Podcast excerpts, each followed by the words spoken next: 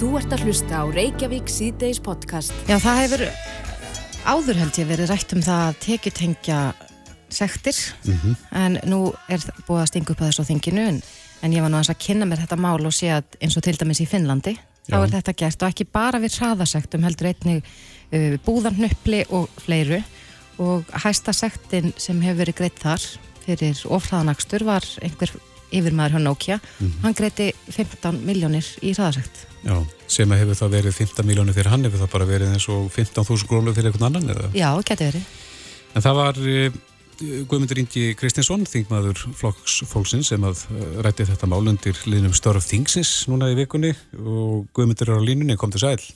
Komið sæl. Já, hver er svona þín pæling á bakvið þessa hugmynd? Þessi hugmynd ég á búin að fá að ræða einhvern veginn áður en svo kom hún eiginlega upp vegna þess að við vorum að ræða líka vegagjöld á þingi. Það er verið að se- setja fram frumvarp um uh, vegagjöld og þá á og það kom í ljósa að það er þá vegagjöld á sex stöðum á landinu hjá fær þingin og þetta gæti orðið gífileg penning og ég fór nú að reikna út eins og það er auksli, auksi þarna fyrir austan sem er um, fáfæri vegur og ef við ætlum að fara að borga vegagjöld fyrir svona fáfæri veg að þá er þetta svo gífileg upp að á hver bíl að, og þá myndi þetta vera útloka fyrir ákveðna hópa bara að, keira, að fara þetta yfir höfuð. Þannig að þeir hefði ekki tekjurnar í þetta. Þannig að ég fór að velta þessu fyrir mig og ég myndi þá eftir þessu finsku leið og mér finnst hún eiginlega snill og líka vegna þess að við tökum bara sem dæmi núna á að fara að sekta fyrir hjólbarða, það er 20 krónur á hvert hjólbarða og þá er þetta 80.000 krónur á fjóra hjólbarða og maður sem er með útborga 200 skall, hann er að borga bara 40% af sínum hérna mánalögnum í þetta.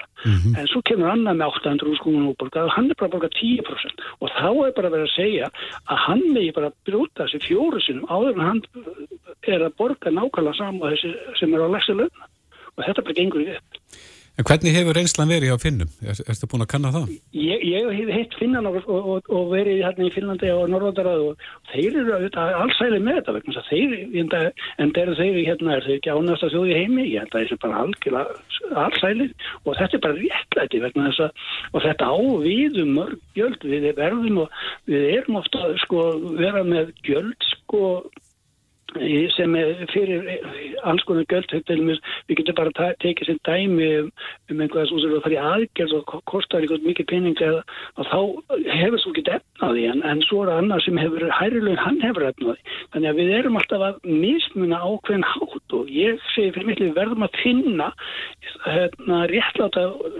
hérna skiptinga á þessu og ég segi fyrir mitt ef við hugsaum þetta frá þessu sjónaröðni þá þyrfti til að þá erum erum við til þess mörg göld sem gæti verið lærri og, og þeir sem hafa virkilega gott þeir, ég- eins og ég segi fyrir mitt við bara þingmenn og aðrir þegar með ég er þessa stöðu þá hef ég, hef ég meiri möguleika að borga meira heldur en þeir sem eru á legstu launum og eiga valla fyrir mat hvað þá húsalegu En Guðmundur, hvernig sér þið fyrir þér að, að ef að erlendur ríkisborgar er þið stoppaðar að lauruglu hér fyrir ofraðan akstur, hvernig særu fyrir þér að það færi fram? Að það væri staðlaðar sektir fyrir eh, útlendinga eða tekið tengt að einhver leiti?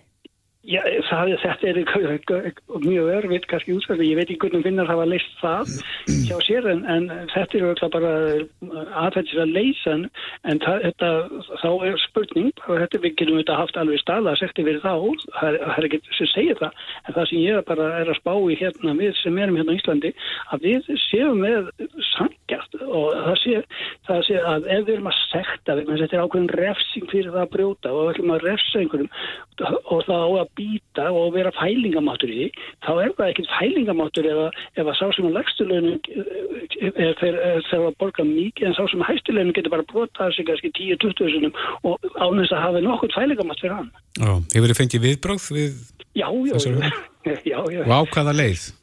Bæ- bæði jákvæð, eða aðlega jákvæð, frekar heldur neikvæð.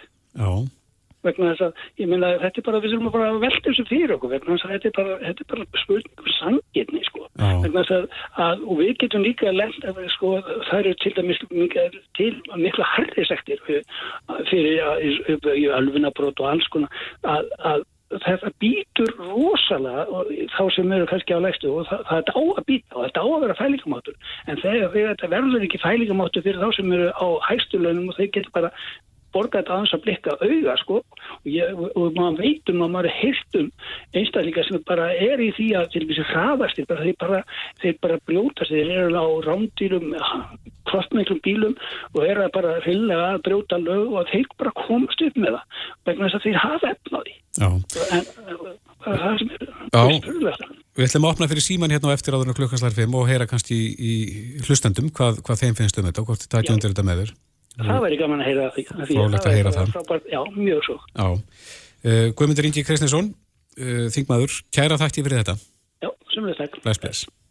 Þú ert að hlusta á Reykjavík C-Days podcast. Jæja, Reykjavík C-Days heldur áfram. Við ætlum að þess að stjalla okkur nýra á þing. Já, voru reynda nýra á þing í rétt á þann. Heyrðum í Guðmund Inga um raðasektir en við ætlum að snú okkur aðeins að útlendingamálum.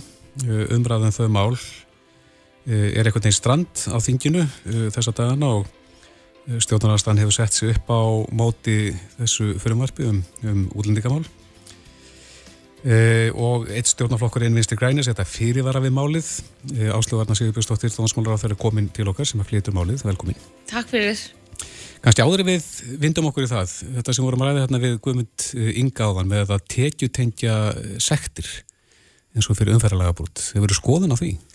Nei, ég hef ekki kynnt mér þetta eða aðtöða hvort að þetta hafi hlotið einhverju skoðun. Þetta er þetta umbylting á svona refsingakerfin okkar mm -hmm. og þeirsti því bara að skoða mjög vel. En ég hef ekki, hérna, aðtöða veit ekki til þess að þetta hefur verið skoðað sérstaklega.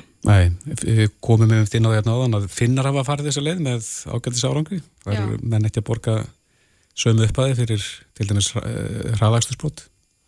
Já, einmitt, ég hérna, veit ekki hvort það hefur verið skoðað og þekki ekki hvernig þetta er í Finnlandi en það er auðvitað þannig að refsingar eiga að vera svona að hafa svona, já, eiga að íta frá refsingum, ég held að mhm. það sé auðvitað markmið með því og oft eru auðvitað kannski fjárhæðir sem eru byggðar á því hvað refsingin er mikil í fangelsistalið en síðan eru auðvitað einhverja svona sektarefsingar eins og þú nefnir varandi hraðagstur og annað sem eru svona pjúra uh, sektarefsingar mm -hmm. þannig að ég veit ekki hvort þetta gangi yfir í heildið annað en þetta þurfti auðvitað svona grand vísa skoðun En yfir í útlendingamálinn Já, áslegarna, segð okkur aðeins frá því á hverju strandar þetta núna? Uh, sko, frumvarpið er uh, heilmikið, það er verið að breyta mjög mörgu, verið að setja ímest þetta í lög sem ég hef til dæmis breytt reglugjörðum, stýttir í málsmeðferða tíma varðandi börn til að mynda, ég er að festis þessi dvalarleifi, lengri dvalarleifi fyrir auper sem eru hér á landi og grundveitið vistráninga og ímstar fleiri breytingar.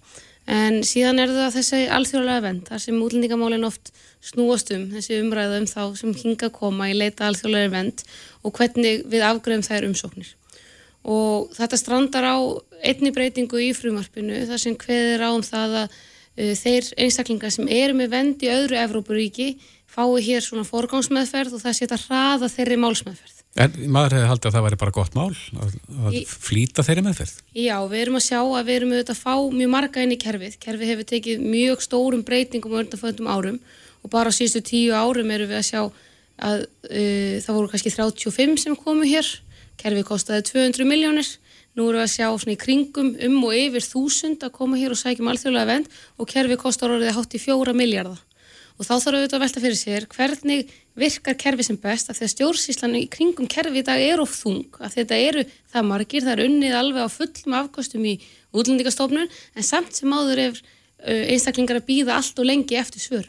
Og það er bæði vond fyrir þá sem fá síðan jákvæmt svar að býði óvissu og hefði ekki fyrr aðlugur á íslensku samfélagi en líka þá sem fáið þetta neikvægt svar býða hér í óvissu lengi. Og það er þetta flokka þessi mál en þessi svona umsækjendur er kannski upp í þrjálfluta e, að meginstefnu til eru það þessi sem eru að flýja lífshættulegar aðstæður. Og það er sáhópur alltaf að stækka sem er að koma fyrst hér og sækja um hæli hérna og hefur ekki gert það annar staðar um alþjóðlega vend og sámálflokkur fyrir stækkandi hér og við erum að veita mjög mörgum vend ef við skoðum með við löndinni kringum okkur. Við erum til dæmis veittum hér 531 alþjóðlega vend í fyrra um, sem er talsvægt meira enn síðustu ára en það er af því að þessi hópur sem er í raunverulegur þörf fyrir vendir að stekka og umfangi kringu þau mál er mjög mikið. Það er mikil vinna, þetta er svona þungmál í kerfinu um, og þá þarf að skoða hinmálinn sem hver eru þau sem er að taka tíma af þessu málum og þetta fjármagn og það eru önnum mál. Þá má nefna bæði mál sem við sendum tilbaka á grundviti diblinareglugerðarinnar og það eru mál sem þar sem fólk hefur sótt um vend annar staðar í öðru Evróbríki og þá á málið að klárast þar. Og það er Evrópusamvinnan um, sem það byggist á. En við sendum samt ekki tilbaka til dæmis til Gríklands og Ungverðlands á grunni þess í flóttamannabúður þar af því við teljum aðstæðunar vera ekki nægilega góðar. En síðan er það hinflokkurinn það sem þessi deilasnýstum sem er fólk sem er komið með vend í öðru Evrópuríki og hefur þá tilskilin réttindi í því ríki. Við erum að sjá fólk sem komið með vend í Fraklandi, Möldu, en auðvitað líka Gríklandi, Ítali, Ungverðalandi og, og sá hópur hefur stækkað mjög hratt inn í kerfun okkar. Bara á fimm árum hefur hann farið að vera 15 manns yfir að vera hátt í 200 manns og 20% af þeim sem hinga að koma. Og niðurstæðin er oftast nei, en eh, málsverðverðin er mjög laung. Mm -hmm.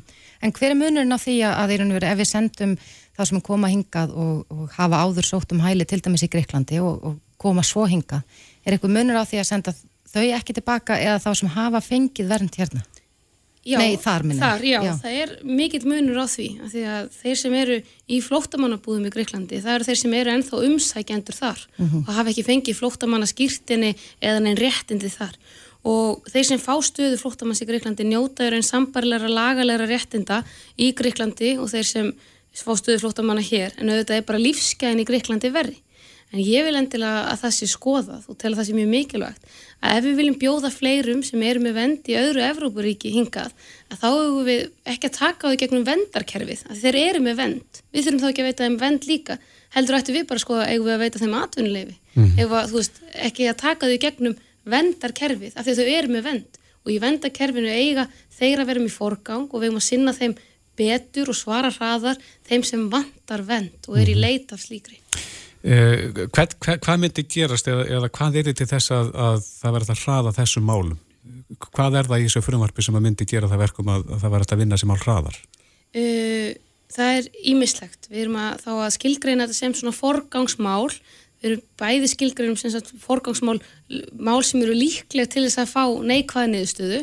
Til dæmis frá, frá öryggum uppbyrjunríkju sem við fengjum stóran hluta af hér fyrir nokkru málum síðan. Þeim hefur síðan fækkað og þá erum við að svara fólki á fjórum til 17 dögum endalega niðurstuðu frá útlendingastofnun og það eru þetta þannig sem við viljum geta svara þau sem við vitum hvernig niðurstaðan fær en fólk fær samt einstaklingsmyndið viðtal fær að koma sínu sjónamöðum á framfæri en síðan er tekin ákverður mun hraðar og fær ekki þessa hefðbundnu efnismæðferð. Mm -hmm. En myndi þetta létta, létta mikið á kjærfinu og, og gera það ódýrara? Það er þess að myndi minna fjárfæri málaflöku? Uh, ef, ef ég er að miða við það að þessir fjármunir þeir eru ólíklega að fara að hækka eins og ástandið er í dag ég þarf að nýta þessa fjármunni sem best að þá gæti ég með þessu synd betur og hraðar fyrir þann, þá fjármunni sem ég er í dag þeir sem eru hér í leita á raunverulegri vend frá löndum, stríðsræðum löndum og flýja lífslættulegar aðstæður og einstaka aðlar af þeim sem eru lí, mjög líklegir til að fá jákvæða niðurstuðu fara einmitt líki fórgámsmeðferð og fá hér já á fjórum til 17 dögum en aðri þurfa mun yfirgripsmikli meiri vinnu og eru svona þungi framkvæmt Mm -hmm. Maður heyrir af, af þeim sem eru aðalega gaggringar þegar þeir tala um ómanneskjulegt kjærfi e, og þá er aðalega að tala um Gríkland. Er, er, er ekki verið að tala um það að senda fólk til Gríklands í þessar umölu aðstæðu þar? Jú, þá sem eru komin með stöðu flóttamanns þar, mm -hmm. komin með vend þar, en við höfum ekki sendt í tíu ár tilbaka í flóttamannabúðunar á grundil þeirra sem eru bara ennþá umsækjendur þar. Ja, þannig að þeir sem fara til Gríklands í dag og eru komin með þessa stöðu, eru þeir ekki að fara í þær aðstæður? Nei, en auðvitað veit ég að aðstæðunum þar eru ekki eins og best verður á kosti, þar eru, geta verið mjög slæmar en þar eru ekki í skilningi lagana ómannúðlegar eða vanverðandi aðstæður og við sendum ekki tilbaki slíkar aðstæður og grundvelli bara mannreyndasáttmála Evrópu. En öll önnur Evrópuríki eru að gera þetta með sama hætti. Þau eru ennþá að senda vendamál tilbaka eins og við köllum þá sem eru komni með vend af því að vendarkerfið okkar er fyrir þá sem eru ekki ennþá komni með vend neinstadar í Evrópu og Evrópuríkinu er að gera það sama, við höfum verið að fylgja þeim og það hefur verið mikilvægt en það er líka mikil umræða um inn í Evrópu, hvernig að dreifa ábyrg betur, það eru þetta mismikið ála melli landa verið, og ég er að skoða í ráðanautunum hvort við getum gert betur varandi fylgdalus börn og ungmenni, það eru börn sem eru hverki komin með vend og eru án foreldra, til dæmis á Greiklandi og það hefur verið byrjað til okkar vegna þess og það er eitthvað sem ég er í skoðun og ég er sérstaklega líka að skoða síðan bursið frá þessu frumarpi stöðu barna áflóta. Mm -hmm. Ertu bjart sín á að náist sáttum þetta á þinginu? Uh, mér finnst kannski viljin til þess að ræða útlendingamál með málefnilegum hætti vera frekar lítill Uh, það hefur verið komið til móts við einhverja aðtöðasemtir, uh, til dæmis frá flóttamannstofnun saminuðu þjóðana og ég bara efast um kannski að þetta klárist á þessu þingi með við umræðuna en það eru mjög marga góða breytingar sem fólk býður eftir uh, í frumvarpinu og er mjög mikilvægt að ná í gegn en þannig er einn kannski breyting sem þetta strandar á en hún er mikilvægt fyrir að kerfið okkar vinni betur og gangi hraða fyrir sig en ég myndi óska þess að við getum rætt þessi mála meiri yfirveguna því ég held við náum ekki árangri í þessu málaflokki eða svona málamlegri umræðu nema að vera öll tilbúin aðeins að reyna átt okkur á kerfinu hild sem að bera ábyrð á það er svo auðvelt kannski að taka eitt og eitt út úr því mm. Akkur heldur það að sé ekki að ræða þetta af yfirvegun? Akkur er þessi er tilfinningar? Þetta er bara um fólk og það er mm -hmm. andlit og það eru börn og ég skil það bara vel að það verða meiri tilfinningamál sérstaklega þegar ein og ein fjölskylda er í umræðinu og ég skil það mjög vel. Og ég vil eins og allir aðri ná árangri í þessum málaflokki að við séum að gera vel við þá sem hinga að koma. Og höfum, ég hef talað við sérfræðing á þessu sviði, Erlendi sem segir þið eruð að gera mjög vel. Til ykkar er að leita mjög margir með við starð ykkar. Og mikilvægast það er að þeim sem þið ætlaði að veita vend að þið fylgir því vel eftir og sinni því vel. Veitið ekki bara hér vend og engin aðstæða sé síðan eða hérna, stuðningur í framhaldinu? En nú hefur verið dreyið fram ímsar eh, fjölskyldur og ímis mál svona í fjölmiðla. Og mikið fjallað um það og byggla til þín og, og útlíkastofnun að senda fólk ekki aftur.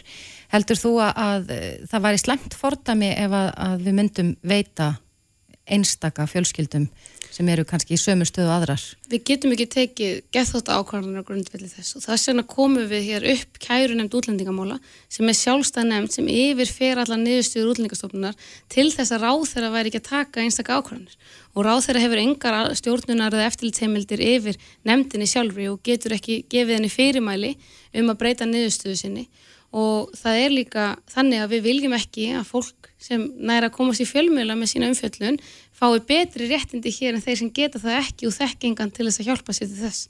Kerfi verður að vera þannig að það sé almennt og það sé gegnsætt og í, í, í því gildi jafnbræði. Annað, ja, við getum ekki farið fram á annað. Nei. Áslögu Arna Sigurbjörnsdóttir, Dómsmálar áþram. Takk fyrir komina. Takk hjá það fyrir. Þetta er Reykjavík C-Days podcast. Jú, gott fólk, það er einhver líkar en að mannlífið hafi bara farið á stað í dag einhverja hluta vegna á þessum drottinstegi ég er hérna neyra á löðarsvelli yðja græn völlurinn og tilbúin fyrir mót. Mótin stóru í fótbóltanum og það var verið að kynna það hér bara rétt í þessu og, og hún Klara Bjartmars frangandastjóri í KSI er hérna á hliðalínni með mér og, og þetta lítur vel út, það er að segja völlurinn til að byrja með. Já, lítur þetta ekki allt vel út, við erum að ná góðum árangri helbriðisvörðum þjóðarinnar og sólinu fann að skína og stittist í fókbóltan og, og vonandi fara hjólefnaðslífisins líka svona einhver tíman fljótlega á staðalín að nýju þannig að þetta er allt, allt á reytri leið. Já þetta er svona D-dagur þar að segja e, þó þið séu kannski ekki búin að fastsetja eða þetta er forvinna að því sem að margir býð eftir. Já, já við erum tilbúin með okkar plan. Og sem er það að byrja Pepsi Max til Kvenna 12. júni og síðan Karla 13. júni við auðvitað erum háð því að það veri gefin út leifi til þess að spila knarspinnu en, en við erum tilbúin og við erum tilbúin með okkar plan og erum bara spennt fyrir það að byrja mm það eru margir sem heimsækja ykkur í dag það er kátt í liðinu. Það er einhverju svona. Já það er gaman að sjá fólk aftur, við höfum myndið að reyfja þau upp á þann að við höfum ekki haft bladmenn í, í húsinu síðan í miðjum februar og við erum búin að vera með læst hérna hjá okkur aðalhurðina sem hefur líklega ekki gerst áður. Mm. þannig að það er mjög gaman að, að sjá það að það er alltaf litna við. Mm.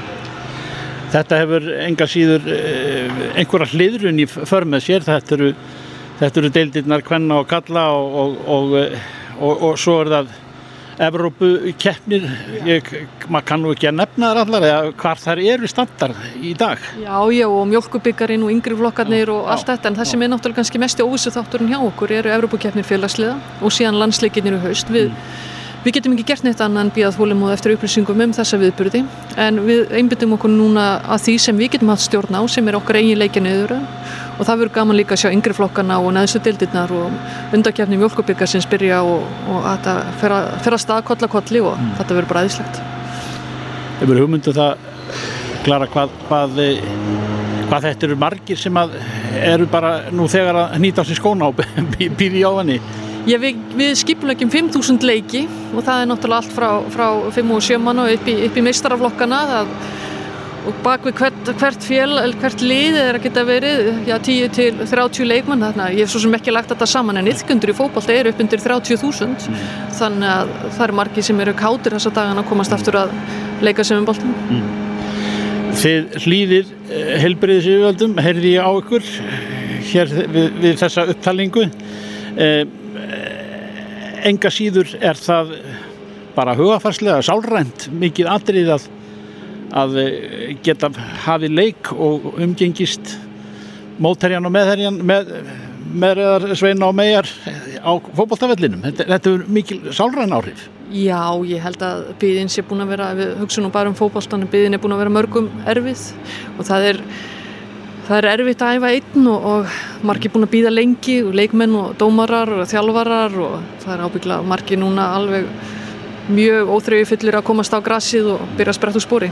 Og svo náttúrulega fjárhagsliðin fyrir félagin sem rekka þetta, þetta hefur nú eiginlega komið í ljós að þetta er eitthvað miklu miklu meir en, en 22 að keppa velli.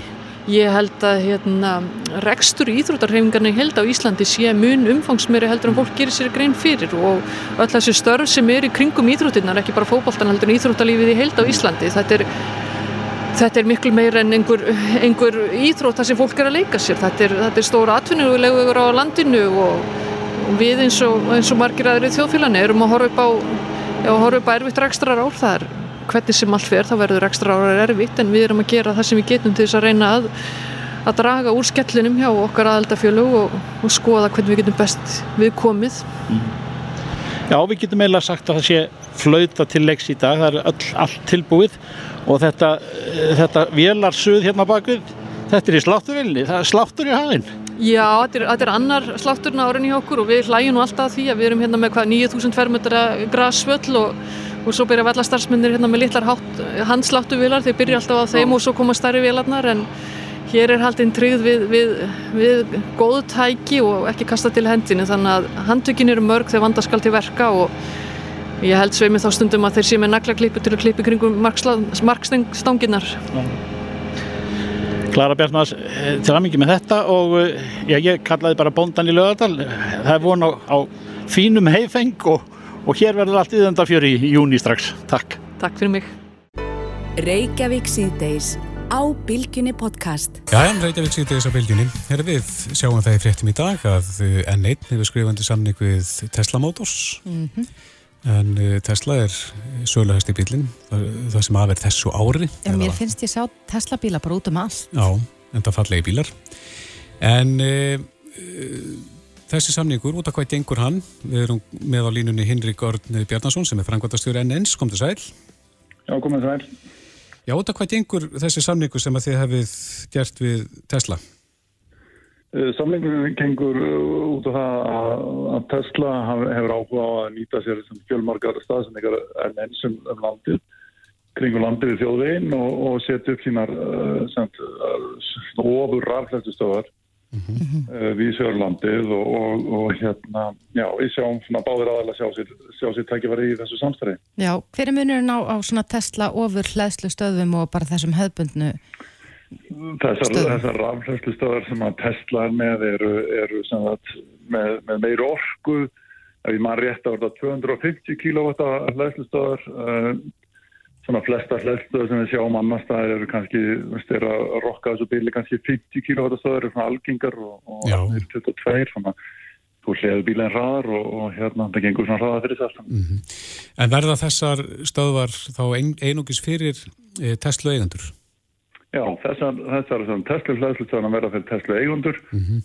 og, og svona samhliða þessu sjáum við hjá enn einum bara takkifæri fyrir okkur að, að setja upp rafhlæðstöða fyrir fyrir aðra en Tesla eigandur, einn almenna rálbíla eigandur í Íslandi. Svona samhlýða þessu? Já, það er, er, er plön okkar, já.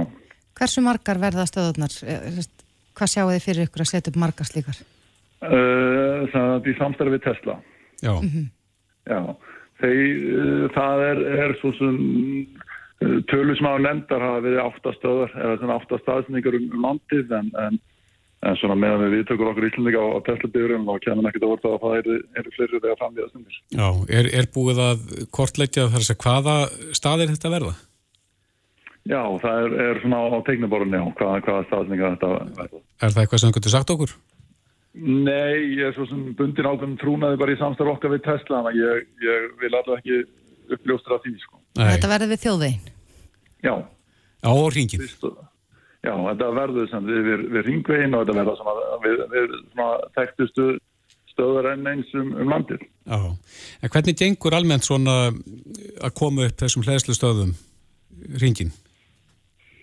Uh, við hjá enn einum er að, erum sjálf sér að stíga okkar, okkar fyrstu skref við höfum átt í samstæð við, við ON undarvarnum árum og, og hérna það eru komnar upp á, á 11 staðsendingum við, við, við ennett stöðar og, og við erum svona með, með okkar, okkar markmið og, og næstu skref hjá okkur enn einum verða að koma yfir aldrei stöðum við, við Veslun Krónar í Lindónum og Elko. Og, og, og við munum svo sem halda áfram í, í norðurhellu í Hafnafjörðunum í haust og, og svo munum við fara að, að hérna, fara hringin. Já, nú er verið að hvetja fólk til þess að ferðast innanlands í sumar og það eru fjölmarkir komnir á rafbíla. Hvað, hvað mun þetta taka langan tíma? Verði þið klárir með alla stöðarnir í sumar? Nei, nei, við, þetta er, þetta er náttúrulega spurðið, þetta er gríðalt afl sem að það er að vita og, og samstarfæðala saman hvort það er rarík eða, eða veitur að, að þetta tekur nú yfir uh, frekar mánuð heldur en vikur að, að fá svona öfluga strengi inn á lóðinar og þess að það þannig að við getum í fæstum tilfellum tekið þetta gegnum húsin okkar eða sendi gegnum mm. þjónustöðun okkar. En hvenna byrjið þið? Uh, við byrjum sem sagt enn einn er að horfa til þessu opni í skólandir í júni uh, Tesla stöðanar erum við að horfa í, með fyrstu stöðana í staðarskála og þar verður við svona snemsum að sé kannski erfitt að nefna nákvæða mánu en stefna verið að ná svona sumatrafíkinu. Já, þannig að þeir sem að ætla að vera á faransvæti svona síðla sumars geta nýtt sér þetta? Já, vonandi, vonandi, vonandi sjáum við kannski einhvern mynd af þessu í júni eða svo. Já. Hinrikur Bjarnason, frangotastjóri ennins, kæra þakki fyrir þetta. Takk fyrir stjálfið. Blæsblæs. Hlustaðu hvena sem er á Reykjavík C-Days podcast. Reykjavík C-Days heldur áfram og, og ég las nú frekar áhugaverða greinirna á vísi í morgunum leiðir til þess að draga úr snjálfsíma nótkun á meðan fólk er í vinnunni mm -hmm. og það kemur fram að sangant einhverju könnun Vestanhafs uh, noti fólk síman sinna meðaltali þrjár klukkustundur og 30 minnur á dag. Já. Þetta er meðaltalið. Þetta er meðaltalið Já. og talað er að þetta muni aukast. Já. En með aukinni nótkun snjálfsíma, mm -hmm. samfélagsmiðla, allt saman, þá dúka upp hinn að þessi vandamál og eitt af þessum vandamálum var nú aðeins adressað hérna á fyrirlestrinir í HR í mhm. vikunni mm, en á línunni er Haldóra Þorstinsdóttir, lektor við Lagatilt Háskólans í Reykjavík en hún var að fjalla um börn og auglýsingar á samfélagsmiðlum, kom til sæl Já. Komið sæl Sæl, þetta er stór mál, það er að segja og vantalega færist í aukana að börn séu þá vantalega notuð í auðlýsingastíni eða hvað? Jú, ég myndi nú alveg segja að það færst í aukana e, og þá kannski svona út frá öllum ungum að þá held ég alveg bara færst e, nótgunnu dagstælt sem þess að fyrir að ræða færst í aukana og, og upplýsingarnar sem við e, fáum eru hérna á samfélagsmiðlunum í, í svona sífæltu hennar mæli þannig að e, og börnin eru dengin undantekning þar og kannski sérstaklega úlingarnir sem eru að nota þetta í vaksandi mæli þannig að mm -hmm. Eh, ég held að allt sé þetta svona kannski nýtt landslag mm -hmm. sem að kallar á, á eru ákveðna áskorunar og kalla á umræðu og þetta með börnun og auðlýsingar eru absolutt eitt, eitt stór liður og eitthvað sem ég held að við mættum huga nánar að almennt. Akkurat, er uh, rammin um þetta skýr? Má byrta myndir af börnum í auðlýsingum án þess að fá samþekki barnana fyrir því?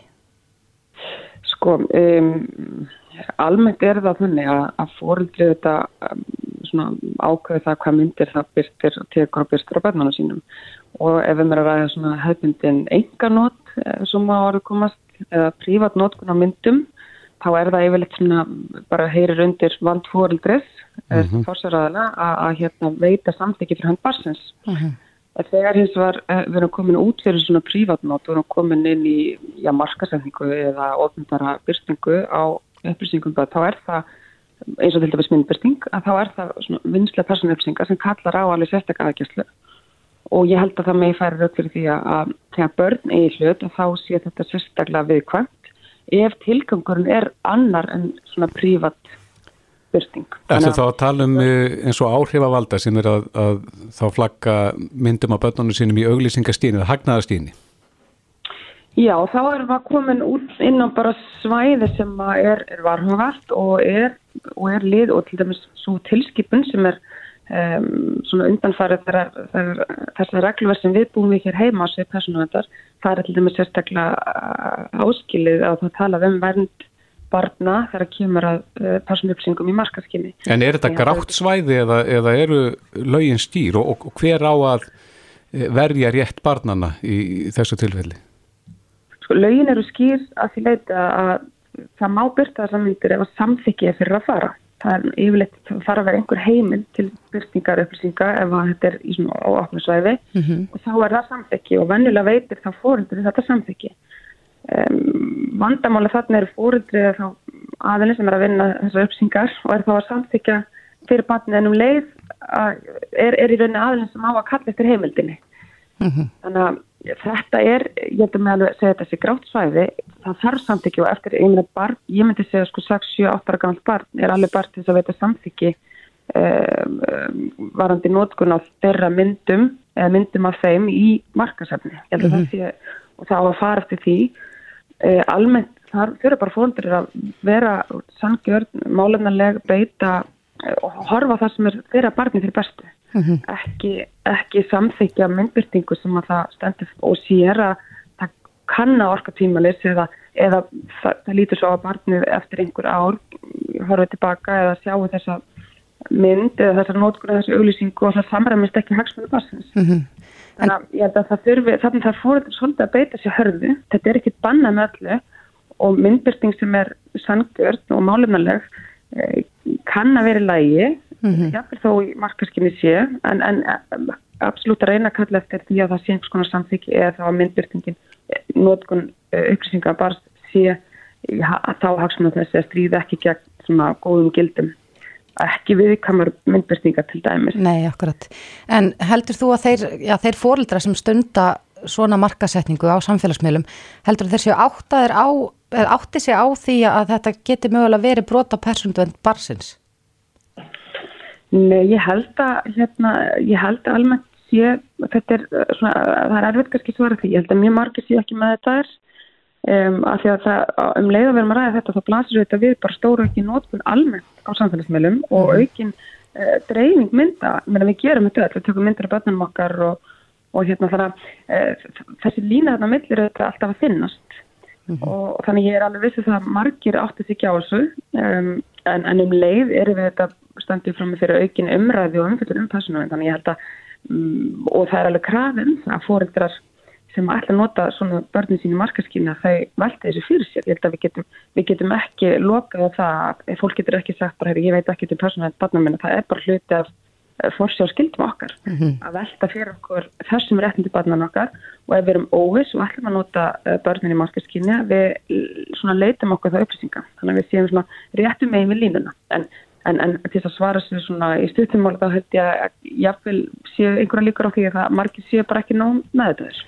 Nei, ég man eftir að hafa lesið eitthvað tíman um, um mál Vestanhafs held ég í Ameríku þar sem að barn fór í mál við fórildar sína út af myndbyrtingu á samfélagsmiðlum.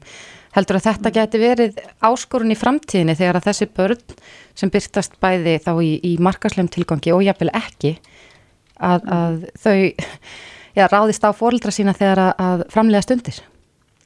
Já og við sjáum það, ég að það eru dæmi um, um sko, hérna heima erum við kannski ekki með uh, úrlösnir á sviði svona markarsendingar en, en það er, þetta er að færast aukana og ég held að það sé bara ekki spurning að barn sem að fer fram og það við viðandi yfirvöld að, að það sé um, fóreldri þessi gert að afmáða okkur mynd eða eitthvað að þá, hérna, þá sé fallist á það því að þá einfalda liggur ekki fyrir samt ekki barsins. Mm -hmm.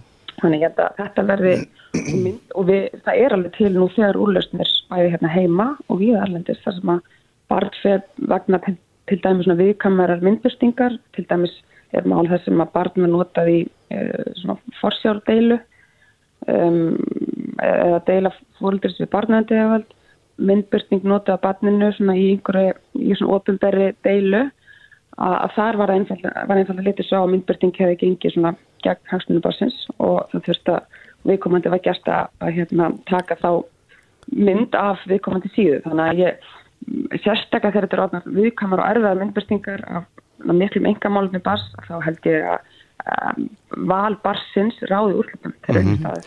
Rétt aðeins í lokin á barn stílusan rétt á því að foreldri, foreldri taki út mynd af því af samfélagsmiðlum eða krefst þess. Þetta bara sama hvað mynd það er. Myndir úr sumafríum eða hvernig sem það er ef badkraftur, ég myndi, ef dóttir mín myndi byggja mig og, og, og ég spyr hana sko, hérna, ef dóttir mín myndi byggja mig um að hérna, taka mynd út, þá myndi ég gera það. Ég hún árétt með leið. En átt að gera það ef hún byrja, hva, hvað ef að þú vilt það ekki? Áttu lögum samkvæmt að gera það? Ef, sko, það er ekki, til og meins persónavenda lögjum mælir ekki fyrir um ekki tiltekinn aldur hvenar til ber, en ég myndi bara, ef, ef við lesum lögin og, og, og svona framkvæmdina, þá myndi, myndi ég líta svo að barn sem getur líst vilja sinum og hefur, uh, get, gera sér grein fyrir aðli myndbústingar, ef það óskar eftir því að móður eða er taki í börstu eða þess að, hérna, eða sniðgangi einhverju myndbestingu mm -hmm. að þá berir fólk að verða það ég, ég held að ég myndi alveg svara því þannig mm -hmm. En það snýst þetta kannski allt um þetta samþyggi samþyggi barsins Já. fyrir myndbestingunni Já, en mörkin líka þarna því að ég, svo oft geta fólkar samþyggt fyrir handbarnana sinna sko. þannig að þarna eru við þetta vafamáli ég menn það kann að vera einhversi ósamála mér og segja bara, heyrðu, þetta er hérna auðvitað getur þú samþyggt allt en ég held með hlýð svona, svona persónavendar uh, sjónamöðum og hagsmennu barna og hugsunni með, með þessum gildandi lögum að þá held ég að við hefum að láta börnin njóta af ás. Mm -hmm. Haldura Þorsteinsdóttir, lektor við Lagadeild Háskólans í Reykjavík. Kæra þakki fyrir þetta. Takk fyrir. Reykjavík síðdeis á bylginni. Já, hún er svolítið mögnuð heimsmyndi núna og mm. það veit nú í rauninni engin hvernig framvindan verður en uh, maður sér það þegar maður fylgist með fréttum að, að bandarækjafósiti er svona svolítið að taka sér stöðu hvert Kína mm -hmm og uh, maður getur svo sem alveg ímynda sér það að það er náttúrulega kostninga framöndan og, og ekki vilja með koma illa út svona rétt fyrir kostningar. Nei, það er spurning hvort þetta sé taktík til þess að uh, halda fylgi sinna stuðningsmanna eða, eða eitthvað annað. Hann talar eins og stríðsfósetti og hann segir að þetta sé uh, ein mesta og versta innrásinn, uh, verri heldur en Pearl Harbor mm -hmm. árásinn á sínu tíma og World Trade Center Já. eða 11. september. En það hafa núna riflega 1,2 miljónir bandarækjum hann að smitast af veirunni Já, þetta akkurat. eru rosalega tölur og það var nú reynda verið farið við það að, að hann skellti skotla eirum í uppafi mm -hmm. talaði um á kostningafundum að þetta væri brella hjá demokrótum eh, til að byrja með svo tala hann um að þessi veira myndi hverfa eins og fyrir kraftaverk svona þegar það tæti að hlýni veðri þannig að hann var staðina ímsum svona undarlegum hérna upprópunum á sínu tíma. Já, við skulum líka ekki gleyma það þegar hann, hann stakk upp að því náttúrulega að fólk myndi drekka klór, var það ekki? Já, já, akkurat. Útfjölublátt ljós og, og klór mm -hmm. eða, eða hreinsefni. En e, nú er hann farin að snúa sér svolítið upp í e, svona átök, výlínan er þarna bandaríkinn Kína. Já. Baldur Þóraldsson, professor í stjórnmálafræði við Háskóla Íslands er á línu, kom til sæl. Komið sæl. Það er svona þessi alþjóða stjórnmál og svona þessar átaka línur. Hvernig telur þú að þetta minni þróast? Já, það er eins og þú nefnir að þá er e, Trump að rauninni setja sig upp sem eins konar strís fósita mm -hmm. og hann hefur undarfarna vikur verið að reyna að leita að einhverjum til að kenna um hvernig fyrir bandaríkjumunum er komið e, í þessum faraldri og rauninni að e, varp, sko, varpa kastljósinni af sér og á einhverju aðra því að eh, sko flest flestir stjórnmáluleituar heims og flesta ríkistjórnir í heiminum hafa verið að auka stuðningsinn í kjölfar þeirra áfalla stjórnuna sem þær hafa staði fyrir. En það er ekki raunin í bandaríkjónum. Það hefur dreyið úr stuðningi við, við Trump og hafa verið mjög gaggrindur heima fyrir og þá rauninni beitir hann rauninni bara svona típiskri taktik sem hann hefur beitt áður það er reyna að finna einhvern óvinn og benda á og segja að það sé allt honum að kenna mm -hmm. En nú eru þessar kostningar framöndan í bandaríkunum og maður hefur oft heyrta að, að þegar það eru svona fórsetakostningar á stríðistímum að þá virðast kjósundur vera íhaldsamir og, og halda í því þann gamla. Heldur þú að þetta muni hjálpunum eða, eða veikjan? Það er erfitt að meta það þessu stíi sko frá því að faraldurinn kom upp þá hefur fósildin verið að veikjast ef eitthvað er þó hann hefur verið að tala til sína kjósenda. Og hann er orðin okkur örvæntakafullur að e, finna eitthvað kannski ímyndaðan óvinn til að kljást við hvað þetta varðar. Hann reyndi kannski aðeins fyrst að nota Kína sem óvinninn í upphafi, það gekk ekki, þá snýraði sér allþjóða helbriðismálastofnuninni og fór hún í herrferð gegn henni sem stendur enni yfir en menn kannski náðu kannski ekki tengja mjög við þá stofnun í bandaríkjónum sem strísaðila og þá aftur kemur hann að Kína með ennþá meira opforsi heldur en áður. En það svo að ég segja að ég er erfitt að meta hvernig þetta muni fara og hvort hann nái að, að finna þetta sökudólk sem hann sagt kannski hagnast á. Þessi taktíkja trönd hefur gengið, gengið til þessa bara þetta önnur mál heldur en, en koronaviru faraldur. Honum hefur tekist tókst í síðustu kostningabaratu og hefur rauninni tekist líka á kjörtíðanbílunu alltaf að finna einhverju óvinni í hverju máluna fætur öðru rauninni byrstriðsífuðísku gegnreim og verið að venda bandarísku þjóðina e, fyrir þessum, þessum óvinnum og með því næra að tala beint inn í sín klósendahóp og hefur rauninni bara hingað til haft bara þó nokkuð góðan stuðning með að bandarísku þjóðar. Mm -hmm. En Baldur, telur þú að, að valda hlutullin í heiminu komið eitthvað til með að breyta svona í tjölfar þessa faraldus? Er, eru menna er, að minka vægi sitt með einhverjum ákverðunum í, í þessum málum eða, eða einhverjur að stíga upp og, og gera sem er að gildandi? Já sko, það kannski valda hlutalli breytist ekki nema ef að bandaríkin ætla sér að stíga til hliðar í mörgum alþjóðastofnunum og eh, í mörgum málefnum sem ríkir að vinna saman að. Eins og þau eru að núna stíga til hliðar í alþjóð helbriðismálastofnunni og ekki koma samvinnu í heilbriðismálum eða berðarskeitt faraldurum í heiminum þar sem öll önnu ríki heim standa, standa fyrir.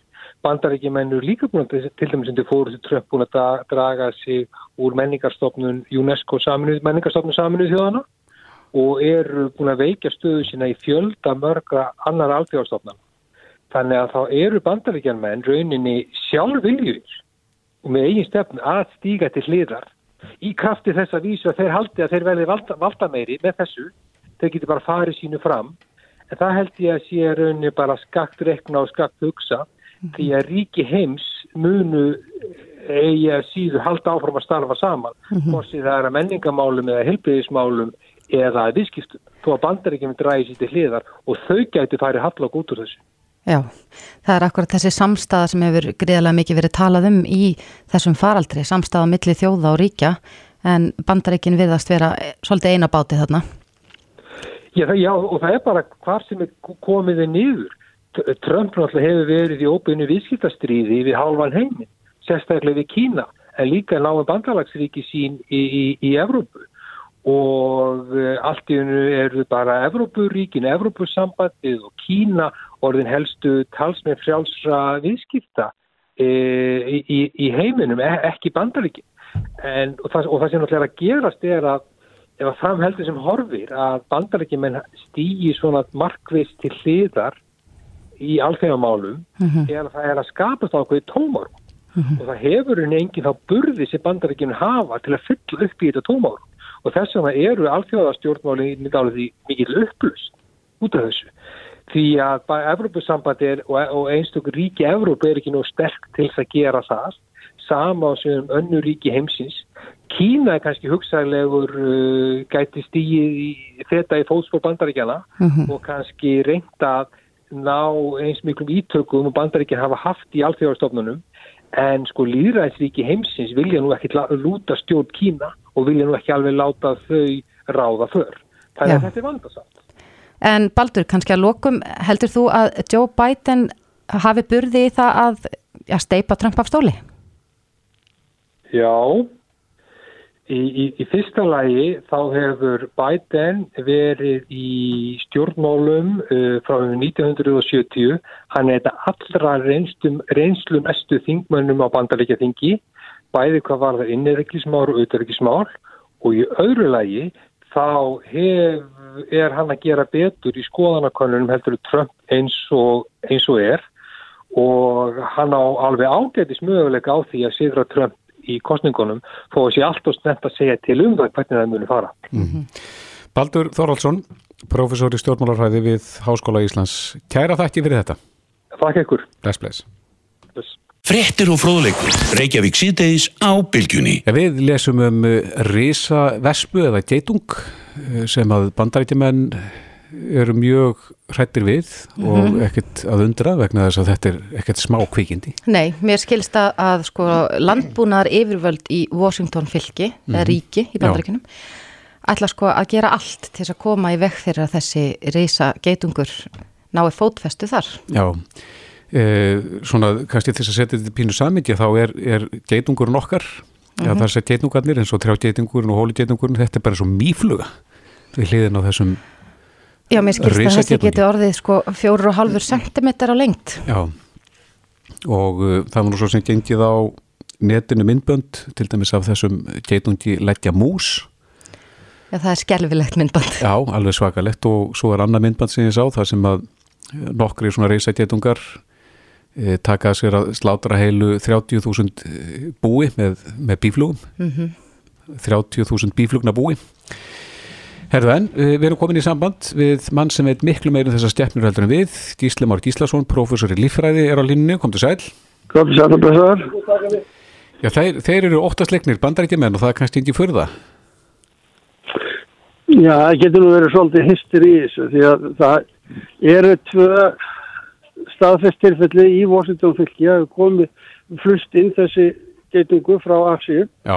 Þetta er geitungu sem er með útbreyslu í Suðaustur Asíu og norður til uh, Japans. Mhm. Það er vísu önnur undirtegund í Japan og jú, vissulega eru þeir stórir en þeir eru í svona heitabelti slofslæði þannig að þeir fara nú ekki, ef þeir fara eitthvað um bandaríki sem þeir getur gert, þá væri það frekar söður á bógin frá Washington fylki Mhm. og svona eftir hlýri landa eða, eða fylkja en, en þessir geitungar eru í sjálfu sér ekkert svo hættulegi nema að, að þeir verða fyrir hérna ónæði af mönnum ef, ef mennir að rekast í búið þeirra eða koma við og þá geta þeir ráðist í stórum hópum og menn og þá geta þeir verið raunverulega hættulegi en eitt, einn stunga er ekki hættulegi fyrir menn. Mhm. Þannig að þessi, þessi geitungur tiltekni gæti ekki uh, orðið mannesku að bana eitt síns liðs. Nei, það, ég, það, það er vitað að svona 20-30 stykki hafa banna, banað manni. Já, er það Þá það fólk er- sem er með ofnæmi fyrir þá eitirun eða eitthvað slíkt eða? Já, þeir stinga með afturendanum sem eru svona varppípur, en þetta eru þærnundar sem stinga aðalega og, og þær eru þá gældar og þær, þær sprauta eitri úr kirkni og það verður bara svona mikið ónæmis viðbröð við þessu að fólk hreinlega deyr. Já, já. og það er vitamál til dæmis í, í, í hér Singapur sem er nú ekki miklu stríði og hefur ekki verið en þetta eru stæsti dánarvaldurinn hjá þeim Já, þeir hermenn er að æfa sig inn í frumskóunum og inn í frumskóum Malasi og í þessum litlu frumskóum sem eftir í Singapur og, og, og hérna og rekast í þessi hérna búðera eru þeir árásagjarnari þessi stóru? Nei, ekki nema, bara eins og allir geitungar eða verða fyrir ónæði að þá nú eftir þetta varna. Þeir eru líka að verja sitt bú. En það, þannig að það er nú aðal ástæðan fyrir þessu en, en ég veit ekki, ég hef ekki heyrt sko hvort þið drepi sér til maður sko geitungar hyrða upp hérna hræ og flytja til dæmis kjöta fugglum og öðrum í búi sér til þess að gefa lirfónum Já, já. ásamt því að sækja blóm en ég hef ekki séð það að þessi rauninni rándir sem eru að leggjast í hópum á, á, á, á dýr. En Gísli, þú talar um að þetta, að þetta þessi tiltekna tegund sé svona hitabeltis dýr en eigum við Íslandingar þá ekki að hafa ágjörð að þetta komi hingað? Nei, ef hún kemur hinga þá á hann ekki eftir að geta lifa hérna og fjölga sér. Nei, sem betur fyrr. Það eru góða fréttir. Já, það ekki. Algjörlega. Já, en uh, hvernig verða það svona svakalega stórir? Nei, sko, einstaklingar eru stóru vegna þess að einstaklingar í þessari tegund eru stórum. Já, Stóru einstaklingar. Og, og þetta eru, þetta sé ekki svona fjóru sinum lengri en venjulegu geitungur. já, Það er bara eins og með margt annað úr, úr dýraríkinu þó þetta sé í sömu ætt. Þá eru mjög stóra tegundir innan ættarinnar. Men sjá það til dæmis með bara mís, það er til stó, stóra te, músategundir og litla músategundir, þú séu allar að sömu ættinni og saman með, með hérna mörg önnur skild spendir. mhm, Simbansi og maður, svolítið stærða munur. já, já. Það er náskild. Já, er þetta spá til um það því að nú er talað um hlínun jarðar og, og, og hérna farið að hlína svolítið á norður kveli e, getur það breytt landslægin í þessum efnum hjá okkur?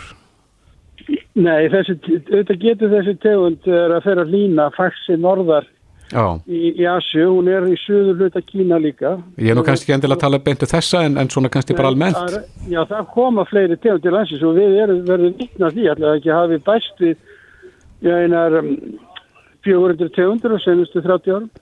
Já, og eitthvað svona sem er skeinuhætt Nei, sjálfur sér ekki, lúsmýr er fólk að kvart undan. Já, Það er nýjar getungategundir sem hafa bæst við á þessum tíma. mhm, og, og humlutegundir líka en, en þetta er þetta er sjálfsög ekki hættulegt. Nei, hvaða Þetta var geitunga ofan- tegundir hafa bæst við? Við vitum um hólu, trjá og, og það er um 60 geitungategundir til hér á landi. Já, Já, og flestar eru hér á suðvesturhóttinu en það eru þess að trjágeitungurinn er sennilega sá sem er, er hérna árásækjarnastur á haustinu. Já, af þessum. Já, já.